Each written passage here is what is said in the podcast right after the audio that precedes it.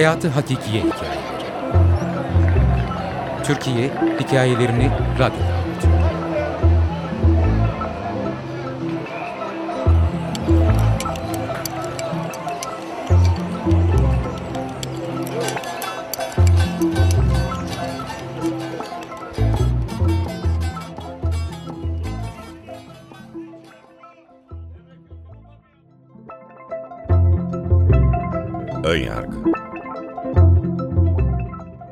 İnsanlar, yüz asık insanlar, yorgun argın, memnuniyetsiz. İşten, okuldan dönen genç ya da orta yaşlı insanlar. Oturanları yerlerinden kaldırıp kendilerine yer vermeye mecbur bırakan bakışlarıyla ihtiyarlar ve ben. Çalışmaktan umduğunu bulamayıp yüksek lisans bahanesiyle evden kaçan ben. Okuldan dönerken. Halkapınar, Halkapınar, İzban'ı kullanacak yolcular için aktarma istasyonudur. Halkapınar Station is the trans station for passengers that will take İzban. Birkaç durak kaldı. Ve ben mutsuz çehreli insanları incelemeye devam ediyorum.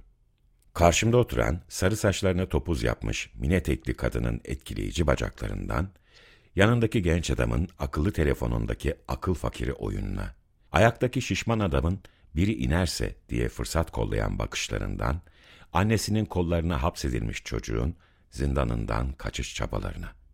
Oradan vagona sinen tamamlanmamışlık havasına odaklanmış gidiyorum. Sanayi. Sonunda birileri iniyor ve şişman adam bir yere oturuyor. Yüzündeki buna da şükür ifadesi beni gülümsetiyor. Şükrü olsun senin adın şişman adam. Şükrü. Buna da şükreden manasında. Vagona doluşmuş insanlarda lüzumsuz bir telaş. Sanki her biri akan kum saatinin içine hapsolmuş, boğulacak. Ama öyle deme. Bak, yollar kaymak gibi maşallah, mis gibi. Bölge. Birkaç kişi daha inip başkaları biniyor. Gelen gidenden sıyrılan gözüm, ellerimin arasında duran spiralli deftere gidiyor. Bir spiralli defterle bir dönem bitirme huyumdan hala vazgeçmiş değilim. Oysa devir değişmiş, altı sene geçmiş öğrencilik yıllarımın üzerinden. Askerden gelmişim. Orada yetersiz olduğum konularda bile aslarıma emir verip, üstlerimden emir almaya, hatta bazen sırf üniversite okuduğum için üstlerim tarafından yargılanmaya alışmışım. Sonra işe girmişim. Şantiyelerde işçilerle üşenip koymadıkları demirlerin kavgasını etmiş, binaların projelerini tartışmışım. Bir şeyler olması gerektiği gibi olsun diye. Bütün bunlardan yılıp üniversiteye devam etmekte karar kılmışım. Yüksek lisansa başlamışım ama elimde hala bir dönem için bir defter. Bazı şeyler değişmiyor. Mesela adam kayırma meselesi. Ama öyle deme. Bak yollar kaymak gibi. Belki de haklılar. Sonuçta herkes tanıdığı, bildiği insanla çalışmak istiyor. İyi ama o zaman neden bu ilanlar, bu sözlü yazılı mülakatlar, bu bok püsür? Neden bu asık suratlar, gelecek kaygısıyla dolaşan arkadaşlarım? Ya düşünmekten vazgeçip, uğraşıp didinen dostlara, her şeyi parayla ölçen tanışlara ne demeli? Ege Üniversitesi. Bornova durağını geçtiğimizi ayırt edememişim bile. Bir durak kalmış. Metro ilerlemeye devam ediyor, tıpkı zaman gibi. Biz bir çarelerde akıp giden zamanın içinde sürükleniyoruz. Bir vagon dolusu bir çare. Ama öyle deme. Bak yollar yeter. Evka 3. Anonsun kalanını dinlemeden metrodan inip yürüyen merdiven sırasına geçiyorum. Yürümemenin de bir bedeli var. Beklemek. Beklemeyle arası olmayan bedenimizin sınavı ise daha zorlu oluyor. Bir sürüyü andıran insan yığınıyla birlikte çıkışa doğru sürüklenirken son anda fark ediyorum. Yanlış yerden çıktığımı. Otobüse binmek için 100-150 metre kadar yürümek zorundayım. Hay Allah! Şimdi ne yapacağım ben? Yaşlı amcanın çaresiz bakışları. İki elinde dolu poşetler. Ben nasıl götürürüm bunları diye isyan ediyor. Elimi atıyorum poşetlerden birine. Amca yardım edeyim. Bunu da al deyip diğer poşeti de uzatıyor bana. Tabii amca. Babanın uşağıyım çünkü. Gencim ya taşırım. Defterimi koltuk altına sıkıştırıp diğer poşeti de alıyorum. Şimdi poşetleri aldığıma pişmanım. İnsan yaşlanınca yüzsüzleşiyor mu?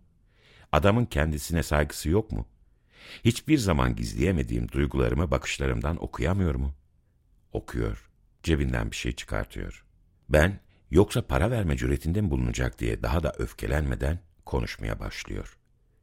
Bana doğru bir kart uzatıp özürlüyüm ben oğlum. İç organlarım. Allah benim belamı versin. Nasıl hiddetle hareket ettiysem adam durumunu anlatmak zorunda kalıyor. Beden dedim birçok şey anlatmış. İçim eziliyor. Amca hangi durağa bırakayım? 111 numaralı oğlum. Allah razı olsun. Allah beni kahretsin. Adımlar bitmek bilmiyor. Adamın yüzüne bakmaya utanıyorum. Önden hızla gidiyor, poşetleri bırakıp sesleniyorum. Koydum buraya amcacığım. Acele etmenize gerek yok. Otobüs daha yeni geliyor. Aferin oğlum. Senin gibi iyiliksever gençler pek azaldı bugünlerde, diyor duraktaki bir yaşlı teyze. Umarım az kalmıştır benim gibi gençler. Umarım az kalmıştır. Küçücük bir iyilikle vicdanını rahatlatmaya çalışan gençler. Küçücük bir iyilik için kabalaşabilen gençler. Otobüsün geleceği durağa yöneliyorum. Artık bekleyişime taşıdıklarımdan daha ağır duygular eşlik edecek. Şu otobüs bir an evvel gelse. Ön Yargı Yazar Veysel Kobya Editör Berna Durmaz Okuyan Adnan Acar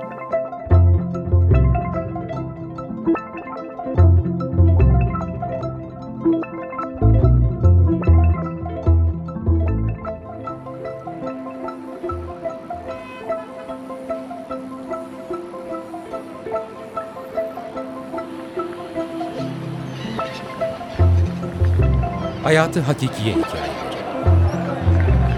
Türkiye Hikayelerini Radyo'da